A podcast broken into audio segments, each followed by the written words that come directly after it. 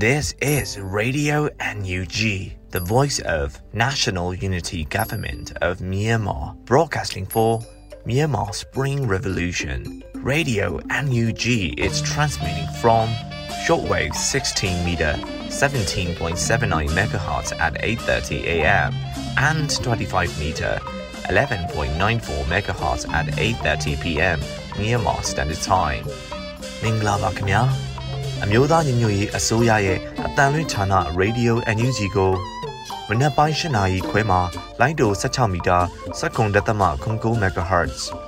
ညပိုင်း၈နာရီခွဲမှာလိုင်းတို25မီတာ17တက်သမ6 MHz တို့မှာဓာတ်ရိုက်ဖမ်းယူနိုင်နိုင်ပါပြီ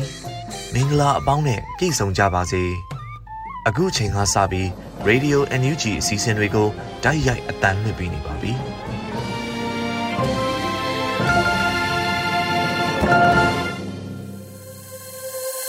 မြန်မာနိုင်ငံသူနိုင်ငံသားအပေါင်းတဘာဝပြီးဆရာနာရှင်ပေတို့ကနေကင်းဝေးပြီးကိုစိတ်နှပါဘေးကင်းလုံခြုံကြပါစေလို့ရေဒီယိုအန်ယူဂျီဖွယ်သားများကဆုတောင်းမြတ်တာပို့သလိုက်ရပါတယ်ရှင်။အခုချိန်ကစပြီးပြည်တော်စုဝင်ကြီးချုပ်မန်ဝင်းခိုင်တန်းရဲ့ပြည်သူ့ကာကွယ်ရေးတပ်မတော် PDF ဖွဲ့စည်းခြင်းတနစ်ပြည့်အမှတ်တရစကားသံကိုနားဆင်ကြရတော့မှာဖြစ်ပါရဲ့ရှင်။2021ခုနှစ်နွေဦးတော်လိုင်းချင်းတဲ့တူ ပြည်သူကြားမှာပေါ်ဖွာရက်တည်လာခဲ့တဲ့အမျိုးသားညီညွတ်ရေးအစိုးရ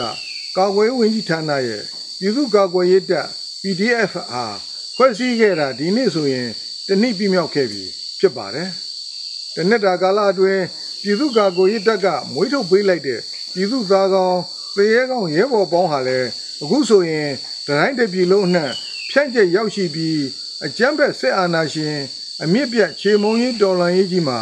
ယုံကြည်ချက်ခိုင်မာစွာ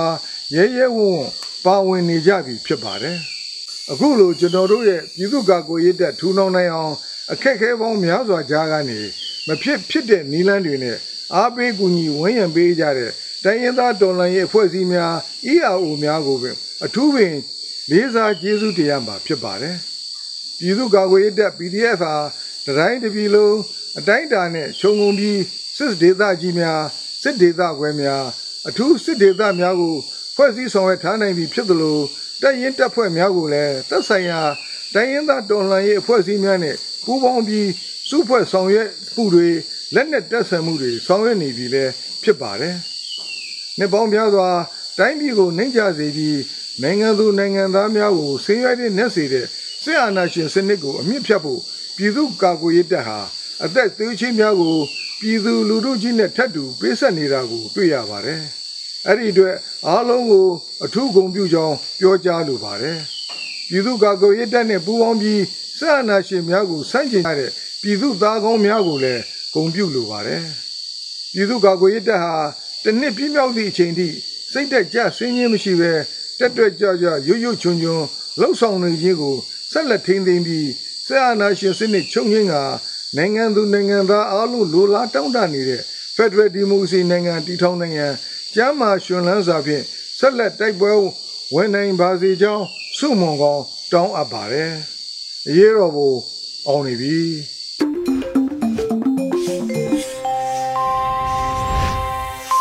ရေဒီယိုအန်ယူချီမှာဆက်လက်တင်ပြနေပါတယ်။အခုခါကာကွယ်ရေးဝန်ကြီးဌာနရဲ့စီးရေးသတင်းချင်းချုပ်ကိုတော့ဝေဦးမောင်မှဖတ်ကြားတင်ပြပေးပါမယ်ရှင်။ ယခုတင်ဆက်ပေးမှာကတော့ကာကွယ်ရေးဝန်ကြီးဌာနအမျိုးသားညီညွတ်ရေးအစိုးရမှထုတ်ဝေသောနိုင်စဉ်စီရေးသတင်းအချင်းချုပ်ပဲဖြစ်ပါတယ်။ကျွန်တော်ကတော့ຫນွေဦးမောင်ပါခင်ဗျာ။စီရေးသတင်းအချင်းချုပ်ကိုတင်ဆက်ပေးပါတော့မယ်။စစ်ကောင်စီတပ်သားကြဆုံ62ဦးစစ်ကောင်စီတပ်သားဒဏ်ရာရရှိ15ဦးစစ်ကောင်စီနဲ့တိုက်ပွဲဖြစ်ပွားမှုသတင်းများကိုတင်ဆက်ပေးပါမယ်။ကရင်နီကရားပြည်နယ်တွင်2022ခုနှစ်မေလ4ရက်နေ့ကရင်နီကရားပြည်နယ်ဘောလခဲမြို့နယ် နန်းဖဲရွာသို့ဦးတည်၍စစ်ကြောင်းထိုးလာသောစစ်ကောင်စီတပ်သည် KNDF B16 နှင့် KA တို့ထောင်ထားသောမိုင်းများကိုနင်းမိ၍ပောက်ကွဲမှုဖြစ်ပွားခဲ့ပြီးထိတွေ့တိုက်ပွဲဖြစ်ကာစစ်ကောင်စီဘက်မှကားနှစ်စီးမီးလောင်ပျက်စီးခဲ့ကာကြီးအချို့သိမ်းဆည်းရမိ၍စစ်ကောင်စီတပ်သားများတိတ်ဆုံးမှုရှိခဲ့သည်2022ခုနှစ်မေလ4ရက်နေ့ကရင်နီကရားပြည်နယ်ဖရူဆိုမြို့နယ်အမှတ်14စစ်လေးချင်းရေးကျောင်းမှ ထားလဲဘတ်သို့ရိတ်ခါနှင့်ခဲယမ်းပို့ရန်စစ်ကြောင်းထုတ်လာသောစစ်ကောင်စီရင်တန်းအားလောချေခူရွာတဲ့အနီးတွင် KNDF B15 မှကြားဖြတ်တိုက်ခိုက်ခဲ့ရာထိတွေ့မှုတနာရီခန့်ကြာပြီးနောက်စစ်ကောင်စီဘက်မှ3ဦးသေဆုံးခဲ့ပြီးထိခိုက်ဒဏ်ရာရသူအချို့ရှိခဲ့ပါတယ်။ချင်းပြည်နယ်တွင်2022ခုနှစ်မေလ4ရက်နေ့ချင်းပြည်နယ်မင်းတပ်မြို့နယ်မင်းတပ်မတူပီလမ်းတွင်စစ်ကောင်စီရင်တန်းနှင့် CDF မင်းတပ်တို့တိုက်ပွဲဖြစ်ပွားခဲ့ပြီး စစ်ကောင်စီတပ်သား12ဦးသေဆုံးခဲ့ကာ CDF မင်းတပ်မှပြန်လည်ဆုတ်ခွာချိန်တွင် မိုင်းမတော်တဆမှုကြောင့်ရဲဘော်တအူးကြာဆုံးခဲ့သည်2022ခုနှစ်မေလ4ရက်နေ့ချင်းပြည်နယ်ဖလန်းမြို့နယ်ရန်ထလိုကျေးရွာအနီးတွင်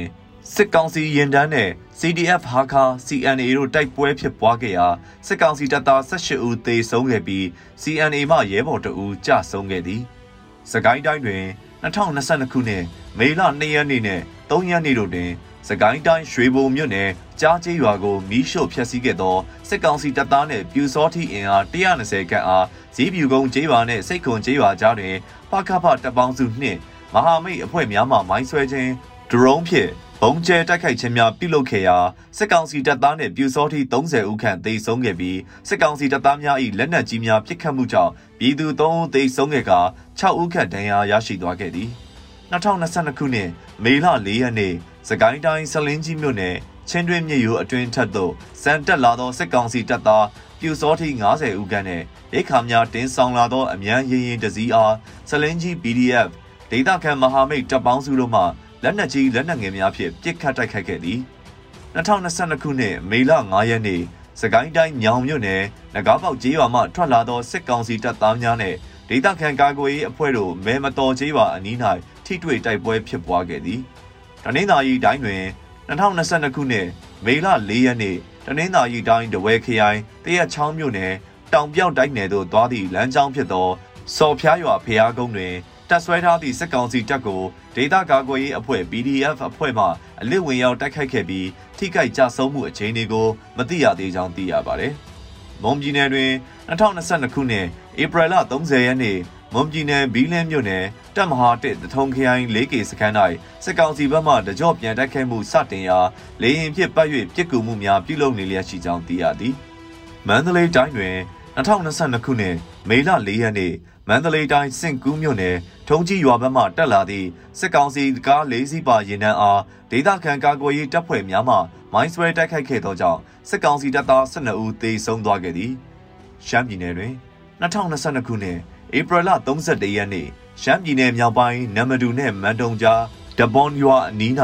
KIA နဲ့စစ်ကောင်စီတပ်တို့တိုက်ပွဲပြင်းထန်ခဲ့ရာအင်အား60ကျော်စစ်ကောင်စီစစ်ကြောင်းကို KIA အမှတ်34တပ်ရင်တပ်ခွဲ3တပ်ဖွဲ့သည်လန်ခုလက်၌အသင့်စောက်ကြိုတိုက်ခိုက်ရာမှတိုက်ပွဲပြင်းထန်ခဲ့ခြင်းဖြစ်ပြီးနှစ်ဖက်အပြန်အလှန်ပစ်ခတ်မှုမိနစ်20အတွင်းစစ်ကောင်စီတပ်ဘက်မှထိခိုက်ကြဆုံးမှုများခဲ့ကြောင်းသိရသည် 2022ခုနှစ်မေလ4ရက်နေ့ရှမ်းပြည်နယ်မြောက်ပိုင်းမူဆယ်မြို့နယ်မန္တလေးမူဆယ်ပြည်တော်စုလမ်းပိုင်းနတ်ဖက်ကကျေးရွာနဲ့မူဆယ်ကြားမော့တောင်ကျေးရွာအနီးတွင်စစ်ကောင်စီနှင့် TNLA တို့တိုက်ပွဲဖြစ်ပွားခဲ့ပြီးစစ်ကောင်စီတပ်သား17ဦးနှင့်ပေါ်တာဆွဲလာသည့်အရက်သားရင်မောင်းနှင့်ရင်နှောင်းလိုက်2ဦးစုစုပေါင်း73ဦးသေဆုံးသွားခဲ့ကြောင်းသိရသည် 2022ခုနှစ်မေလ4ရက်နေ့ရှမ်းပြည်နယ်မူဆယ်မြို့နယ်ခွတ်ခိုင်မူဆယ်ကြားပြည်တော်စုလမ်းမအနီး၌စစ်ကောင်စီတပ်နဲ့ MNDAA တို့အကြားတိုက်ပွဲဖြစ်ပွားခဲ့ပြီးထိခိုက်ပျက်စီးမှုအခြေအနေကိုမသိရသေးကြောင်းသိရသည်။ရန်ကုန်တိုင်းတွင်2022ခုနှစ်ဧပြီလ30ရက်နေ့ရန်ကုန်တိုင်းတောင်ကလာပမြို့နယ်ရှိချင်းမြန်တရင်ခမာယ435နဲ့ခမာယ436ကိုနိုင်ထိုင်အောင်စစ်စင်ရေးအဖြစ် Civil Guerrilla Force YGM မှ40မမဘုံသီးဖြင့်ပြစ်ခတ်တိုက်ခိုက်ခဲ့သည်ဆက်လက်ပြီးစက်ကောင်စီအကြမ်းဖက်မှုများကိုတင်ဆက်ပေးပါမယ်။ကရင်နီကရားပြည်နယ်တွင်2022ခုနှစ်မေလ3ရက်နေ့ကရင်နီကရားပြည်နယ်ဖရူဆိုမြို့နယ်ဒေါ်ဖိုရှိကျေးရွာသို့စစ်ကောင်စီဘက်မှ120မမ60မမလက်နက်ကြီးများဖြင့်ပစ်ခတ်ခဲ့သောကြောင့်ပြည်သူနေအိမ်နှလုံးထိခိုက်ပျက်စီးသွားခဲ့သည်။ချင်းပြည်နယ်တွင်2022ခုနှစ်မေလ4ရက်နေ့ချင်းပြည်နယ်တီးတိမ်မြို့နယ် တီးတိမ်မြို့သကောလန်းရက်ကွက်ရှိအထာကတစ်ကျောင်းတွင်တပ်ဆွဲထားသောစစ်ကောင်စီတပ်များကရန်တမ်းပစ်ခတ်မှုကြောင့်အရက်သားတအုပ်သေဆုံးခဲ့ပြီးတအုပ်ဒဏ်ရာရရှိသွားခဲ့သည်2022ခုနှစ်မေလ9ရက်နေ့ချင်းပြည်နယ်ဖလန်းမြို့နယ်တလန်ဇာကျေးရွာမှနေအိမ်နှလုံးကိုစစ်ကောင်စီမှမီးရှို့ဖျက်ဆီးသွားခဲ့သည်။စကိုင်းတိုင်းတွင်2022ခုနှစ်မေလ3ရက်နေ့စကိုင်းတိုင်းကမ်ဘလူမြို့နယ် ကပ်ဘလူးမြို့ပေါ်ရှိစီဒီယန်ဆီယမ2ဦး၏နေအိမ်တို့အားစစ်ကောင်စီတပ်မှချိတ်ပိတ်သွားခဲ့သည်2022ခုနှစ်မေလ4ရက်နေ့စကိုင်းတိုင်းကံဘလူမြို့နယ်တိုင်းတစ်လွတ်တော်ကိုယ်စားလှယ်ဦးမြင့်စောဦးဤနေအိမ်စကိုင်းတိုင်းအမှတ်3မဲဆန္ဒနယ်အမျိုးသားလွတ်တော်ကိုယ်စားလှယ်ဦးဝင်းအောင်နေအိမ်နဲ့ဦးလင်းမောင်ဒေါက်တာရဲဝင်းဦးခင်မောင်ထေးဦးကျော်လင်းတို့၏စုစုပေါင်းနေအိမ်6လုံးအားစစ်ကောင်စီတပ်မှချိတ်ပိတ်သွားခဲ့သည် 2022ခုနှစ်မေလ4ရက်နေ့စကိုင်းတိုင်းကဏီမြို့နယ်ဝင်းမနာချေးရွာရှိစစ်ကောင်စီတပ်သားများသည်ပြည်သူပိုင်နေအိမ်များကိုမိရှို့ဖျက်ဆီးသွားခဲ့သည်တနင်္သာရီတိုင်းတွင်2022ခုနှစ်မေလ4ရက်နေ့တနင်္သာရီတိုင်းဒဝယ်မြို့နယ်ဒဝယ်အရှိတောနယ်မြေနှင့်ပကာရီကျေးရွာဘက်သို့စစ်ကောင်စီတပ်မှအမြောက်နှင့်ဆယ်ချက်ခန့်ရန်တမ်းပစ်ခတ်ခဲ့ရာအမြောက်ကြီးသည်ရွာဘက်သို့၄ချက်ကျ၍၃ချက်သာပောက်ကွဲခဲ့ပြီးနေအိမ်တစ်လုံးထိမှန်ခဲ့ကြောင်းသိရသည် 2022ခုနှစ်မေလ3ရက်နေ့တနင်္သာရီတိုင်းမိန်းမြို့နယ်ဇဝဲကျေးရွာမှရွာသား2ဦးကိုစစ်ကောင်စီတပ်မှဖမ်းဆီးခဲ့ပြီးမေလ၄ရက်နေ့မနက်ပိုင်းတွင်အငိမ့်စားဆရာမကြီးတဦးကိုလည်းစစ်ကောင်စီတပ်သားများလာရောက်ခေါ်သွားခဲ့ကာနောက်ဆက်တွဲတဲ့င်းအရမိန်းကလေး2ဦးကိုပါထပ်မံဖမ်းဆီးခံထားရကြောင်းသိရသည်ရှမ်းပြည်နယ်တွင်2022ခုနှစ်မေလ4ရက်နေ့ရှမ်းပြည်နယ်တောင်ကြီးမြို့နယ်၌ ဧပြီလတလအတွင်းတောင်ကြီးမြို့ရှိတောင်ကြီးမြို့မှစီအတိုင်းဝိုင်းမှလူငယ်20ဦးထပ်မံစစ်ရေးတန်တန်းတက်ရောက်ပြီးပြန်လာသည်ဟုဆိုကာဆွဆွဲဖမ်းဆီးထားခြင်းခံရကြောင်းသိရသည် ရန်ကုန်တိုင်းတွင်2022ခုနှစ်မေလ4ရက်နေ့ရန်ကုန်တိုင်းကော့မှုမြို့နယ်ရေတာရှိကျေးရွာရွာလယ်ပိုင်းနဲ့အနောက်ပိုင်းတွင်စစ်ကောင်စီတပ်မှတပ်ကြီးရွယ်အိုများကလေးများပါမချမ်းဖမ်းဆီးပြီးလူလက်ပိုင်းနဲ့လူငယ်အချို့ကိုရိုက်နှက်နှိပ်စက်နေခဲ့ပြီးမေလ9ရက်နေ့နနက်ပိုင်း၌ရွာသား10ဦးခန့်ကိုကိုတုံးလုံးဖြင့်လက်ပြန်ကျိုးတုပ်ကာငှက်အော်ဆန်းရှိစစ်ကောင်စီတပ်စခန်းသို့ခေါ်ဆောင်သွားကြောင်းသိရသည်ရခိုင်ပြည်နယ်တွင်2022ခုနှစ်မေလ4ရက်နေ့ ရခိုင်ပြည်နယ်စစ်တွေမြို့နယ်ဘောဒူပကျေးရွာမှဦးအောင်သိန်းဓားပိုင်ကျေးရွာမှစောလီမကြီးမြိုင်အကွက်ကုန်းမှဦးမောင်ပတက်ကယ်ပြင်ကျေးရွာမှကျော်နုနဲ့အီဆို့တို့ကိုမေလ3ရက်နေ့ညနေ8နာရီခန့်၌ဖမ်းဆီးသွားပြီးဘောဒူပကျေးရွာမှဦးရော်ဘီဦးရော်ဘီ၏လက်ထောက်တူကြက်ကိုင်းတန်ကျေးရွာမှဦးထွန်းလာစိန်စုစုပေါင်းအစ္စလမ်ဘာသာဝင်၈ဦးကိုစစ်ကောင်စီမှဖမ်းဆီးသွားကြောင်းသိရသည်မှတ်ချက်မြေပြင်သတင်းတောင်ဝန်ခံများနဲ့ သတင်းဌာနများမှဖော်ပြလာသောအချက်အလက်များအပေါ်အခြေခံပြုစုထားသည်ယခုတင်ဆက်ပေးခဲ့တာကတော့ကာကွယ်ရေးဝန်ကြီးဌာနအမျိုးသားညီညွတ်ရေးအစိုးရမှထုတ်ဝေသောနိုင်စဉ်စီသတင်းအကျဉ်းချုပ်ပဲဖြစ်ပါတယ်ကျွန်တော်ကတော့ຫນွေဦးမှာပါခင်ဗျာ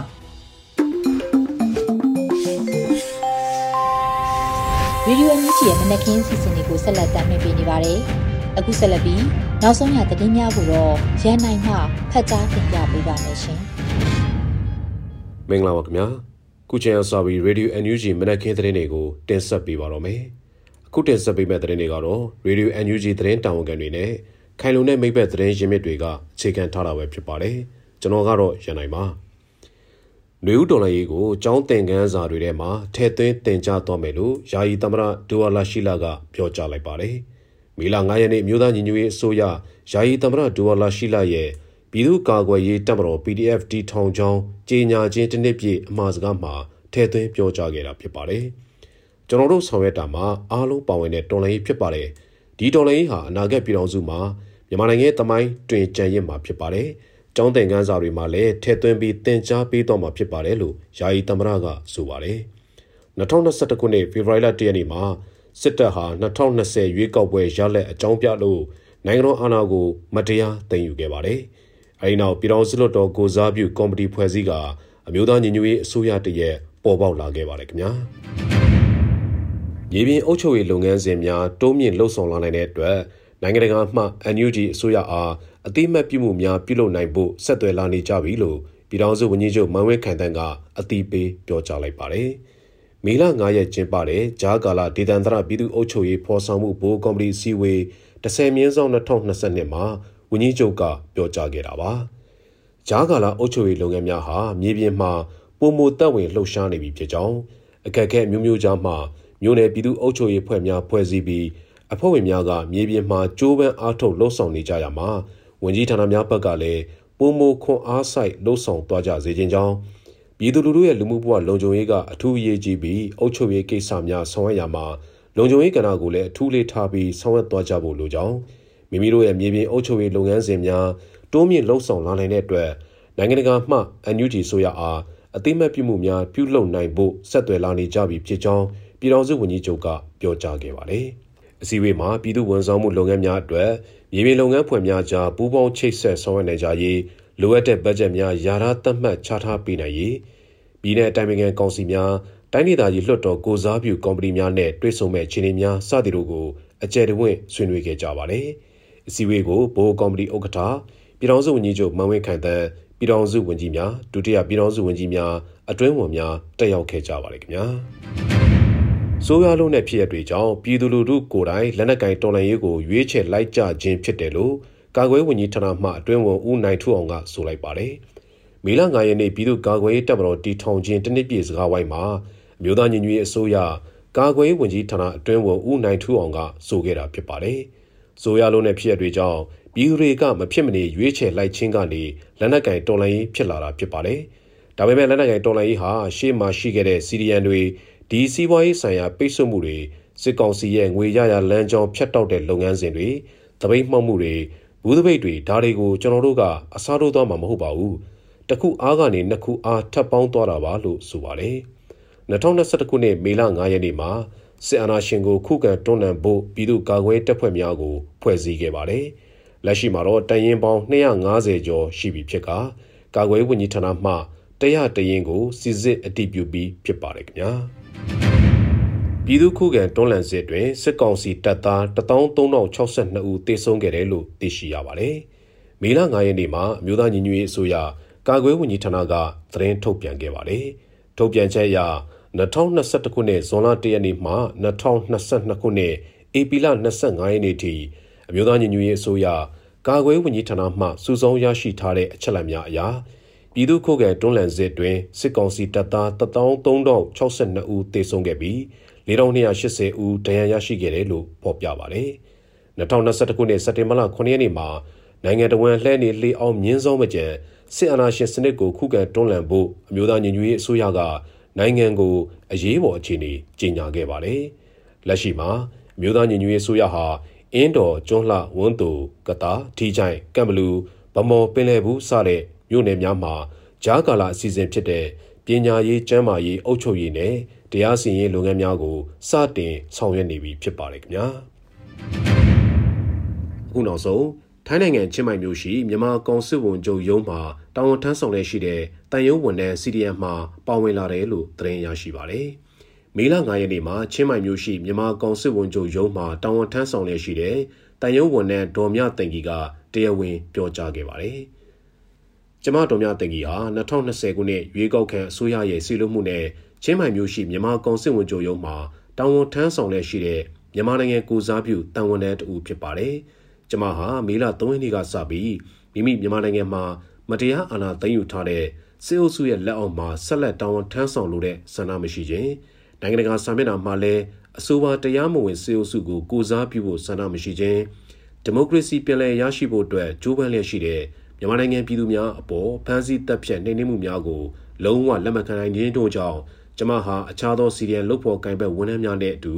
ပြည်သူ့ဘက်မှရပ်တည်ပြီး Civil Disobedience Movement CDM မှာပါဝင်သွားမှာဖြစ်ပါတယ်လို့ဆိုထားပါတယ်။ ရေ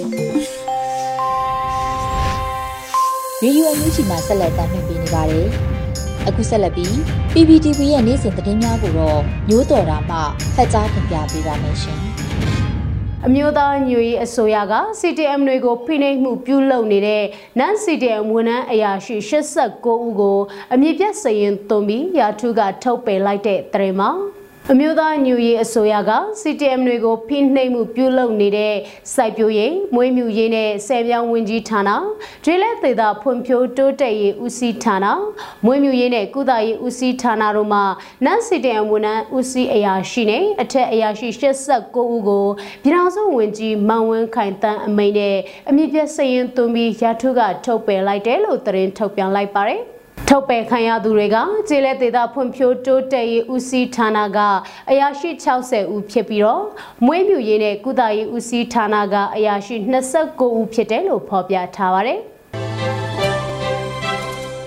အခုတင်ဆက်ပေးမှာကတော့မဟာမိတ်ရဲဘော်တွေအပေါ်ညီကိုရင်းစိတ်တက်မွေးမြူပြီးတသွေးသသားရဲရှိကြောင်းဖော်ပြရမယ်လို့ BTF ရဲဘော်တွေကိုကာကွယ်ရေးဝန်ကြီးဦးယူမွန်ပြောကြားလိုက်တဲ့သတင်းမှာ ဒေါ်လာရင်းစင်ရွယ်ရမှာ PTF ရဲဘော်တွေနဲ့လက်တွဲရှေ့ဆောင်တိုက်ပွဲဝင်နေတဲ့မဟာမိတ်ရဲဘော်တွေအပေါ်မှာလဲညီကိုရင်းစိတ်တက်မွေးမြူပြီးတသွေးတသားရဲ့ရှိကြောင်းဖော်ပြရမယ်လို့ PTF ရဲဘော်တွေကိုအမျိုးသားညူရီအစိုးရကာကွယ်ရေးဝန်ကြီးဌာန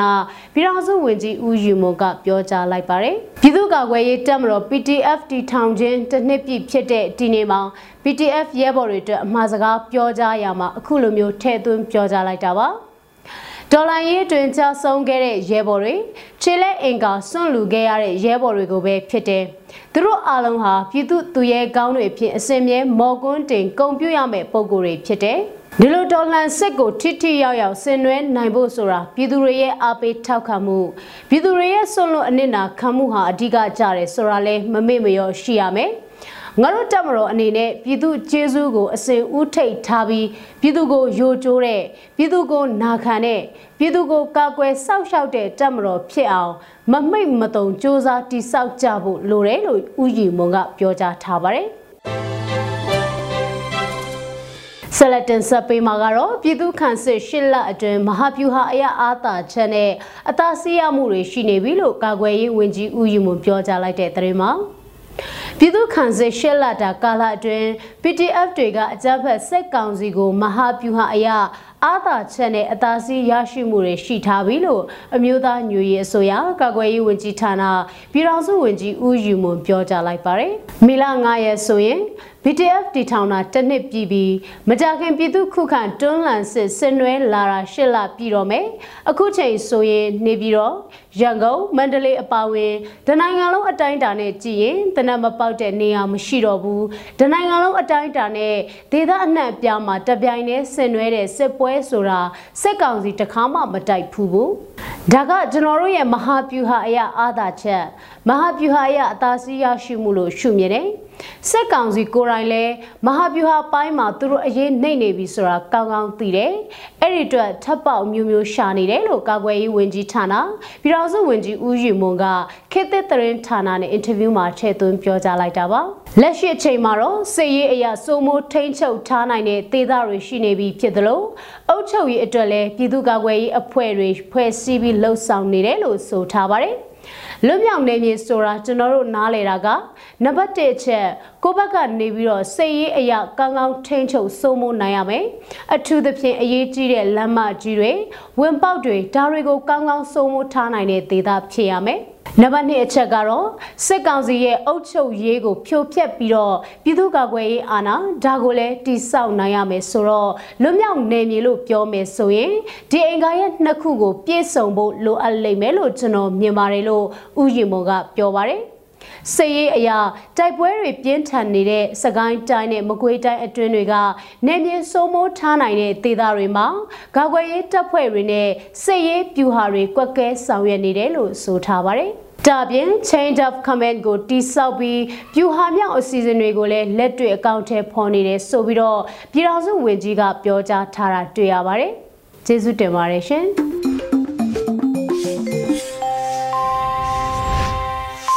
အခုတခါတိုင်းသားဘာသာစကားဖြင့်သတင်းထုတ်လွှင့်မှုအစီအစဉ်အနေနဲ့ချိုးချင်းဘာသာစကားပွဲတစ်ခုဖြစ်တဲ့ကန်ဘာသာဖြင့်သတင်းထုတ်လွှင့်မှုကိုနားဆင်ကြရမှာဖြစ်ပါတယ်။ ทรกันเรดิโอนำไงายาปงเอน้อยไปเกยนาปุยปอสักครั้งตัวนำวันนำไรปอยอตีละนำกดกันตุกอกือเกยค่าทุทางการแทนอวยกุยเคอสาละกะกะกืออลัมมาซึกออยทางกุมทองนี่กุมทองกุมนี่เมนิลีนเหือบคอนึกลุงปฐมมินิทุ่มกิบอ่อนคอนึกลุงปังอามินิทงากิเปอันนละการายกับเทตัวอัมโมโตกาตู CTF มินดาตวนมาอูเอ็นอัมนาการนากา รายกับเทปังาชีเอ็นอเดิมอดาอนุยไปและเล่มกกตีละยากลอมกืออัมกาครูคอนะซีเตมินตัดตูอัมนูละชัดใบเตอุปึงปีนำรายกับอปุเมนปุ้งยำอัมตุงและหมายเอ็นตุยอ้อนรามีหำละอลูเปกตีละยากลอมกือไรกับเทตูค่ะมินตัดอ้อนปะตุยอันนลักเมืองลิกิบอมปังอาปตาอิบละกวยอุเอ็นทุกอานักอนุยละอมบาหินปึงตีละ CTF มินตัด Media and Communication Officer ตะกืออปันนี่ออยทางใบเคินปึงเอเปริลทองเทเอ็ดเนือปะไรกับเทปันหิลิทาย AK47 ปัทุมลอปุยนีเอ็นเกมีเอลาดอนลอนิกตีลาเมนิลีเนือปะ CTF มาตุเปียนตะกืออาคาซอกอนาไรกับเทตวนปีนำนุตาปารุกออนอดอนลาปาริปังโอเอ็นเชมตาอกตียากลามกือไรกับเทตูคาอาคาโซเอลิทายปัทุมอัมราเอมอกลา